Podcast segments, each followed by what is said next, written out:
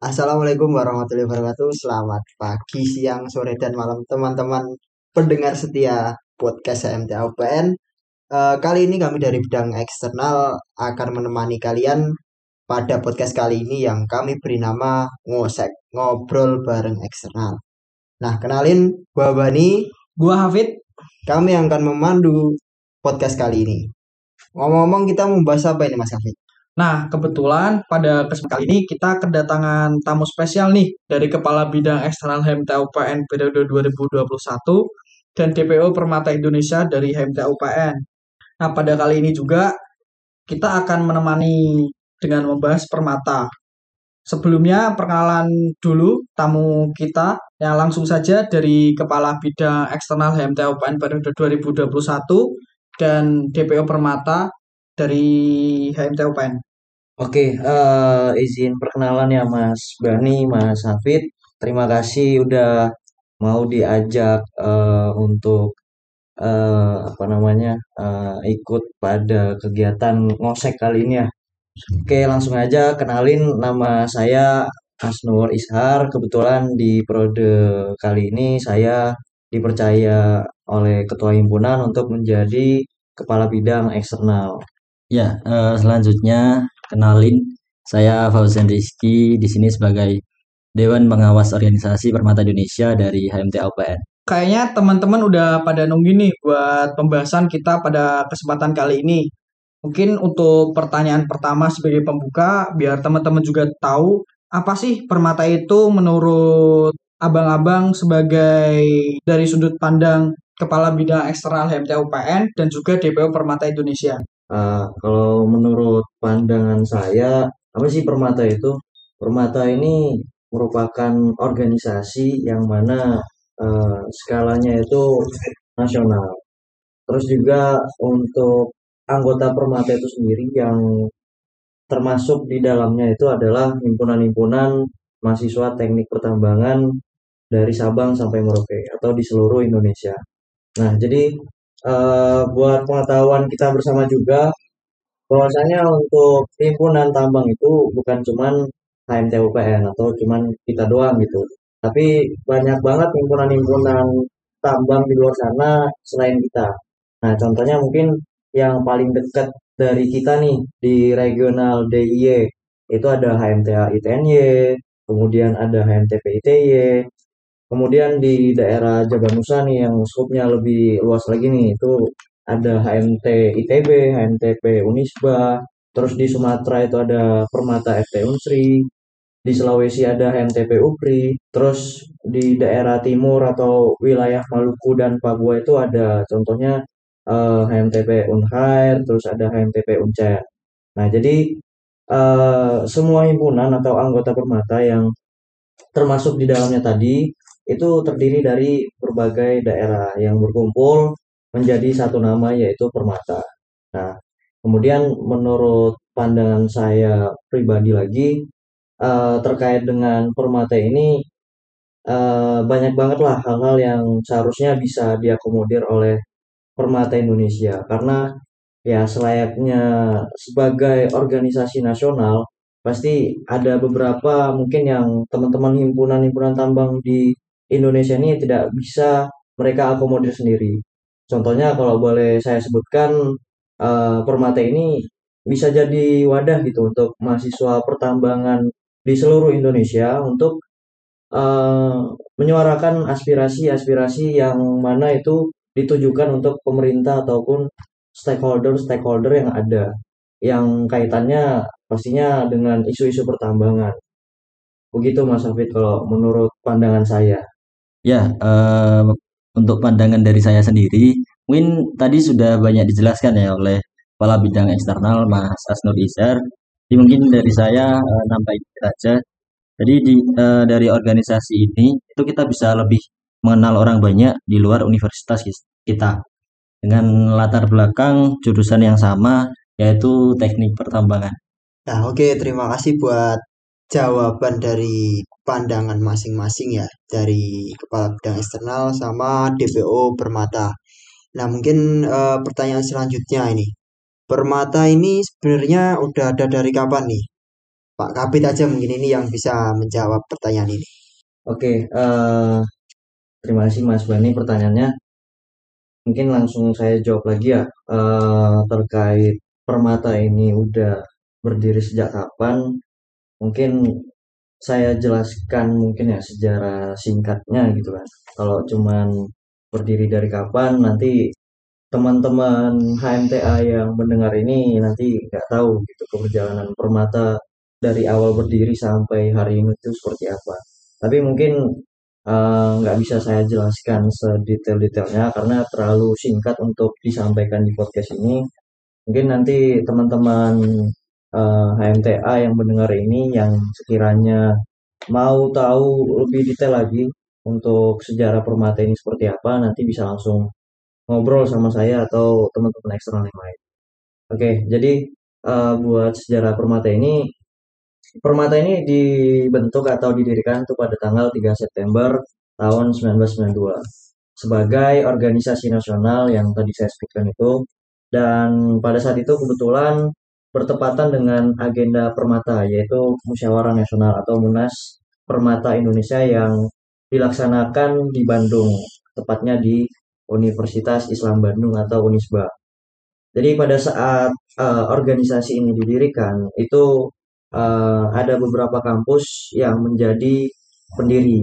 Itu yang pertama ada UPN, terus ada ITB, Unisba, uh, Unsri, UFRI, STMI, ITM, Untirta, dan pada saat itu salah satu universitas dari uh, wilayah Sumatera. Kemudian uh, pada saat itu ikatan yang dibentuk mahasiswa tambang se-Indonesia itu sangat jauh. Dalam artian di sini antara kampus negeri dan juga kampus swasta ini memiliki gap yang mana itu dari sisi keilmuan dan juga dari sisi keegoan masing-masing kampus. Sehingga hadirnya Permata ini diharapkan bisa menjadi jembatan untuk teman-teman atau kampus-kampus lain untuk menjawab persoalan tersebut. Nah, sebagaimana yang dikatakan atau dijelaskan oleh Perhapi pada saat itu juga, bahwasanya persoalan pertambangan di Indonesia ini bukan hanya tanggung jawab dari salah satu pihak saja atau dari ahli pertambangan saja, tetapi memang uh, seharusnya bisa bersinergis dengan uh, mahasiswa-mahasiswa yang fokusnya itu ada di uh, bidang teknik pertambangan. Jadi Intinya adalah uh, tujuan utama dari dibentuknya Permata Indonesia pada saat itu adalah untuk uh, menjembatani ke ketertinggalan ilmu dan juga uh, semangat menjadikan kualitas mahasiswa pertambangan uh, untuk ke depannya menjadi lebih berkualitas lagi dan juga nanti istilahnya siap pakai lah di dunia kerja nantinya. Kemudian uh, perlu saya disclaimer juga ya untuk Permata Indonesia ini merupakan organisasi independen. Jadi bukan suatu organisasi sosial politik dan juga bukan berasal dari salah satu organisasi sosial politik. Serta ya pastinya tidak menjalankan yang namanya politik praktis. Oke, uh, kemudian selanjutnya ada beberapa agenda besar dari Permata Indonesia itu sendiri. Nah, yang pertama itu ada Presidium 1, terus ada forum dialog, terus Presidium 2, kemudian yang terakhir itu ada Musyawarah Nasional.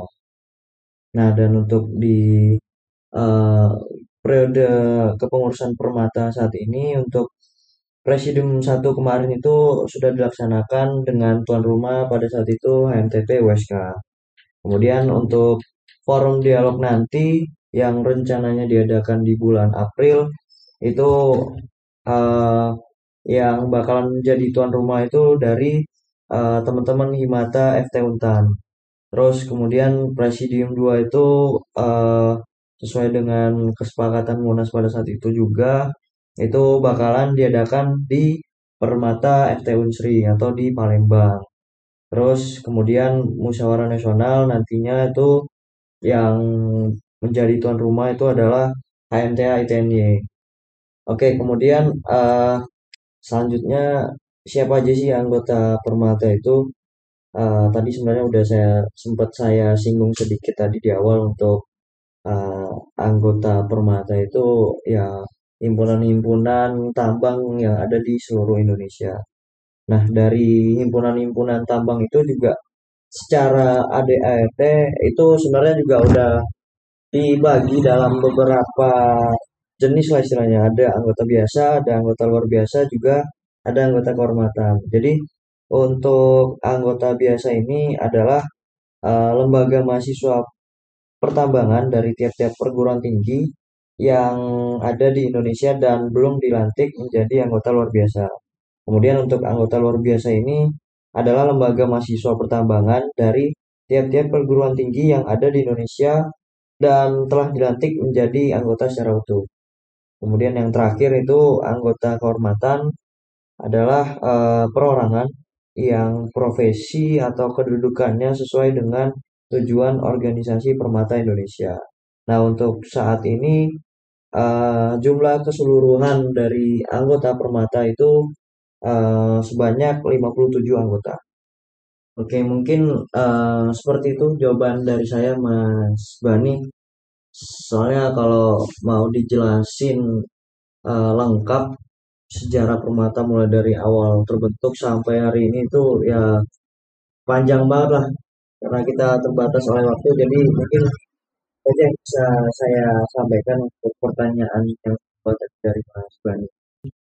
Wah, oke ini mungkin kalau dijelaskan terlalu panjang seperti kata Pak Kepala Bidang nanti terlalu uh, terlalu lama ya. Mungkin kita ketemu di sesi selanjutnya. Nah, ini mungkin tadi membahas sedikit terkait agenda besar Permata tadi udah dibahas dan disinggung sedikit. Nah, eh, agenda-agenda yang udah disebutin tadi itu sebenarnya uh, apa aja sih Pak kegiatannya di sana? Apakah hanya ngobrol-ngobrol atau gimana itu? Oke baik, uh, pastinya nggak cuma ngobrol-ngobrol ya Mas Boni ya, pasti ada beberapa tujuan yang ingin dicapai di setiap agenda tersebut. Nah, kalau bisa saya jelaskan, mungkin yang pertama itu untuk Presidium satu itu sebenarnya untuk membahas uh, program kerja yang akan dilaksanakan satu periode ke depan oleh uh, kepengurusan permata periode terkait gitu. Kemudian untuk forum dialog itu uh, sebenarnya tujuannya adalah untuk wadah uh, bertukar pikiran terkait dengan isu-isu dan informasi perkembangan pertambangan Indonesia. Nanti juga di sana secara teknis mungkin dibuat seperti uh, forum group discussion. Jadi nanti masing-masing uh, himpunan yang hadir, himpunan yang diundang dalam forum dialog tersebut nanti akan menyampaikan pandangannya terkait dengan isu-isu yang dibahas di sana gitu. Kemudian di Presidium 2 itu uh, untuk tujuan kegiatan itu sebenarnya untuk uh, mengevaluasi kinerja kepengurusan uh, periode terkait atau kepengurusan permata periode terkait dalam setengah periode gitu.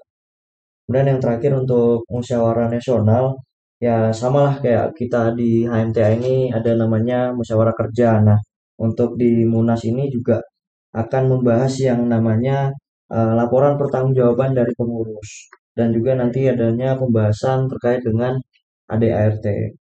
Dan setelah Munas itu juga langsung diadakan yang namanya pemilihan uh, sekretaris jenderal Permata yang baru. Nah, Oke, okay. uh, eh, terus uh, deket-deket ini ada agenda besar apa ini Pak uh, dari Permata yang mau diikuti sama MTUPN?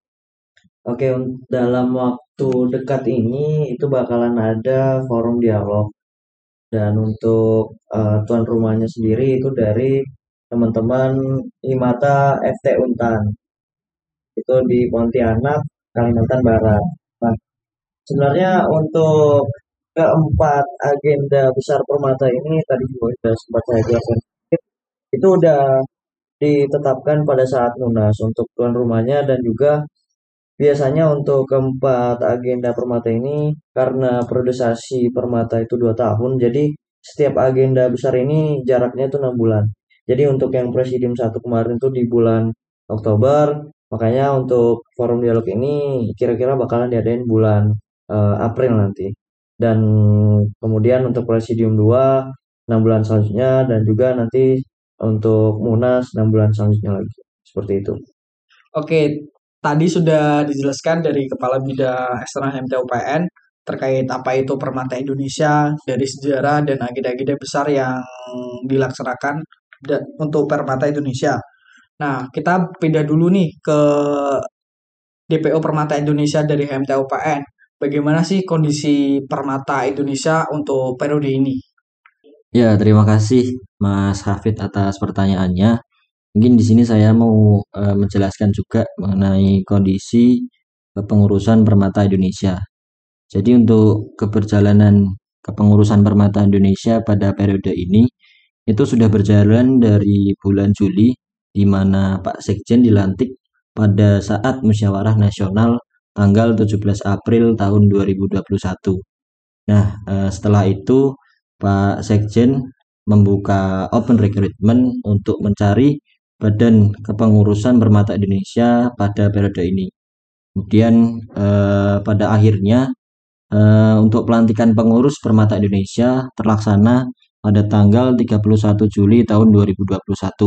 Nah, setelah itu uh, setelah dilantiknya teman-teman pengurus itu uh, internal pengurus Permata Indonesia itu merancang uh, apa saja program kerja yang akan dikerjakan dan pada akhirnya tanggal 23 hingga 30 Oktober tahun 2021 teman-teman pengurus memaparkan rancangan program kerjanya di hadapan eh, teman-teman anggota Permata Indonesia. Nah, dari Presidium satu itu bisa dibilang eh, teman-teman pengurus bisa menjalankan eh, program kerjanya secara efektif hingga bulan ini. Oke, tadi sudah dijelaskan mengenai kondisi pengurus Permata Indonesia.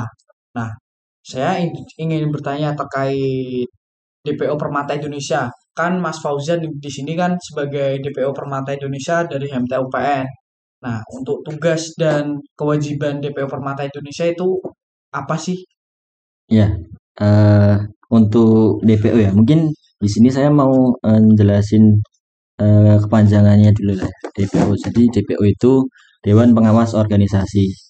Nah, uh, untuk DPO sendiri itu uh, telah diatur di dalam ADART pasal 18. Nah, untuk pertanyaan Mas Kafit mengenai sebenarnya apa sih tugas DPO di Permata Indonesia ini? Jadi untuk tugas DPO itu e, memiliki wewenang untuk memberikan saran, himbauan maupun penilaian baik bentuk lisan maupun tertulis pada pengurus.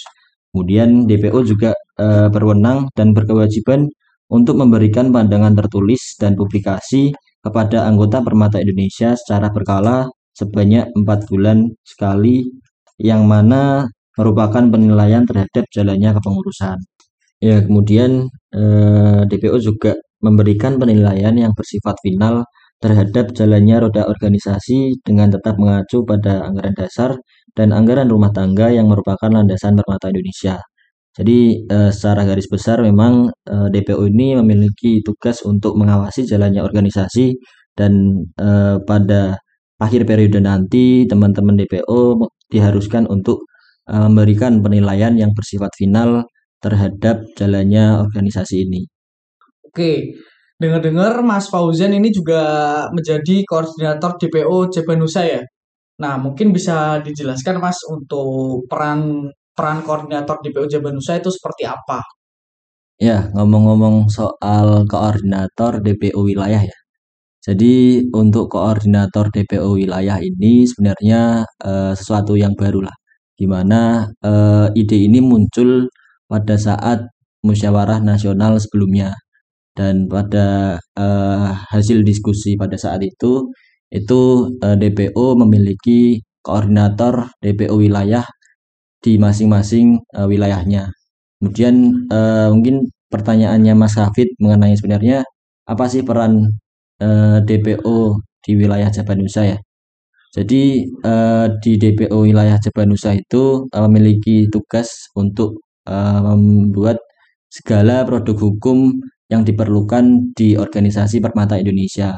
Seperti contohnya uh, mekanisme pengawasan. Ya, uh, mekanisme pengawasan ini sebenarnya juga uh, suatu hal yang baru lah di organisasi Permata Indonesia ini. Jadi uh, fungsi adanya mekanisme pengawasan ini sebenarnya eh, sebagai acuan lah teman-teman Dewan Pengawas Organisasi untuk menjalankan eh, sistem pengawasannya untuk menilai kinerja pengurus Permata Indonesia. Ya, dan eh, rencananya di dekat-dekat ini sekitar eh, awal bulan Maret nanti itu teman-teman DPO eh, mengharuskan untuk eh, melaporkan lah kinerja eh, pengurus Permata Indonesia selama empat bulan ke belakang sesuai dengan tugas yang sudah saya jelaskan tadi. Yaitu eh, salah satu tugas dari DPO Jabanusa gitu. Tapi eh, di sini yang perlu saya tekankan eh, DPO ini walaupun dibagi menjadi wilayah-wilayah, tapi eh, secara garis besar untuk eh, keseluruhan DPO ini tetap mengawasi jalannya organisasi Permata Indonesia ini. Ya, kurang lebih eh, untuk tugas atau peran dari DPO Jabanusa mungkin seperti itu Mas Hafid. Oke, terima kasih penjelasannya dari Mas Fauzan. Kalau boleh tahu untuk Sekjen Permata Indonesia untuk periode sekarang itu dari mana ya, Mas? Ya, eh, untuk Sekjen eh, Pengurusan Permata Indonesia pada periode ini itu berasal dari HMTP Unhair Ternate atas nama M. Arsyad Hanafi. Oke, karena kita udah ngobrol panjang lebar tadi mengenai Permata Indonesia, mungkin langsung saja untuk harapan dari Kepala Bidang Eksternal HMTA UPN dan DPO Permata Indonesia seperti apa? Oke, mungkin dari saya dulu ya Mas Safid sebelum ke Pak DPO tadi yang udah ngejelasin banyak lah tentang DPO tadi. Jadi eh, kalau ditanya soal harapannya seperti apa, yang pastinya ya pengen yang terbaik lah untuk Permata ke depannya. Apalagi dengan eh, melihat kondisi Permata yang mana dari sejak berdirinya Permata sampai sekarang itu masih perlu banyak hal yang diperbaiki mulai dari ADRT kemudian juga eh, nantinya mungkin bisa dibikin yang namanya GBHO atau GBHK terus eh, kemudian harapannya juga untuk di Permata ke depannya ini bisa dibentuk yang namanya kepengurusan wilayah gitu. Karena eh, menurut pandangan saya eh, untuk apa sih kepengurusan wilayah ini? Ya tujuannya ya sebenarnya agar permata ini bisa dirasakan langsung gitu pergerakannya di masing-masing wilayah atau daerah gitu. Dan juga eh, bisa menjadikan himpunan-himpunan yang eh, ada di wilayah terkait ini lebih guyup lagi dengan dibentuknya kepengurusan wilayah ini. Juga dengan eh, banyaknya kegiatan-kegiatan yang akan dilaksanakan nantinya di masing-masing wilayah. Kemudian eh, harapan selanjutnya dari saya eh, melihat dari tujuan permata yang tadi sudah saya jelaskan di awal. Untuk permata ini bisa mengakomodir kebutuhan himpunan-himpunan tambang yang ada di Indonesia ini yang sekiranya tidak bisa diakomodir oleh himpunan sendiri itu eh, mungkin bisa disegerakan gitu diurus eh, untuk legalitas permata itu sendiri. Karena ketika kita ingin menyambangi pemerintah ataupun stakeholder-stakeholder yang ada, ya kita belum bisa bawa nama Permata Indonesia gitu kalau kita belum diakui secara legal sebagai organisasi nasional gitu. Nah, kemudian yang terakhir harapan dari saya dengan keberjalanan Permata ini eh, dari pengurus pusat, dari DPO Permata juga dari anggota Permata atau himpunan-himpunan tambang di seluruh Indonesia ini bisa lebih sadar lah akan tanggung jawabnya terhadap keberjalanan Permata ini sekarang dan juga harapannya ya bisa lebih eh, merasa punya yang namanya Permata gitu yang sama-sama bisa kita manfaatkan sebagai eh, wadah yang mana marwahnya yaitu organisasi nasional gitu. Mungkin itu aja dari saya Mas Hafid untuk harapan ya untuk Permata.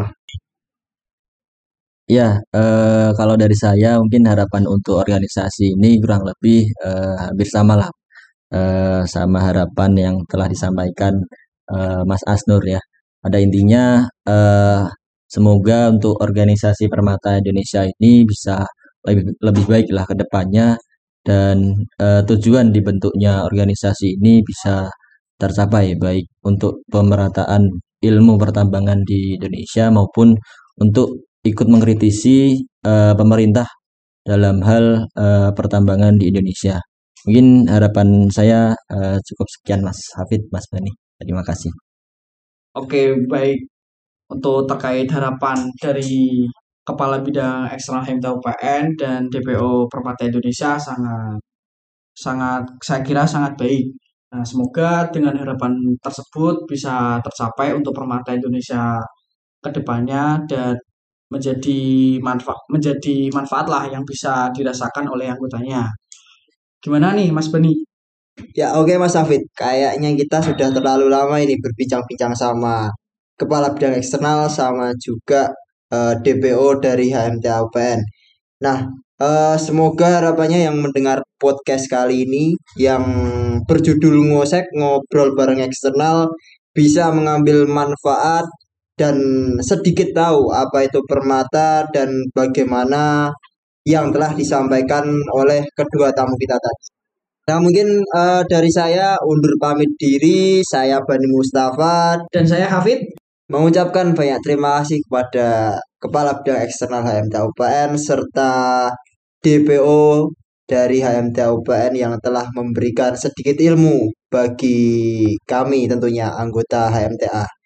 Nah, kurang lebihnya mohon maaf. Wabillahi taufik walhidayah. Wassalamualaikum warahmatullahi wabarakatuh. Vivat Abang! Mantap sekali.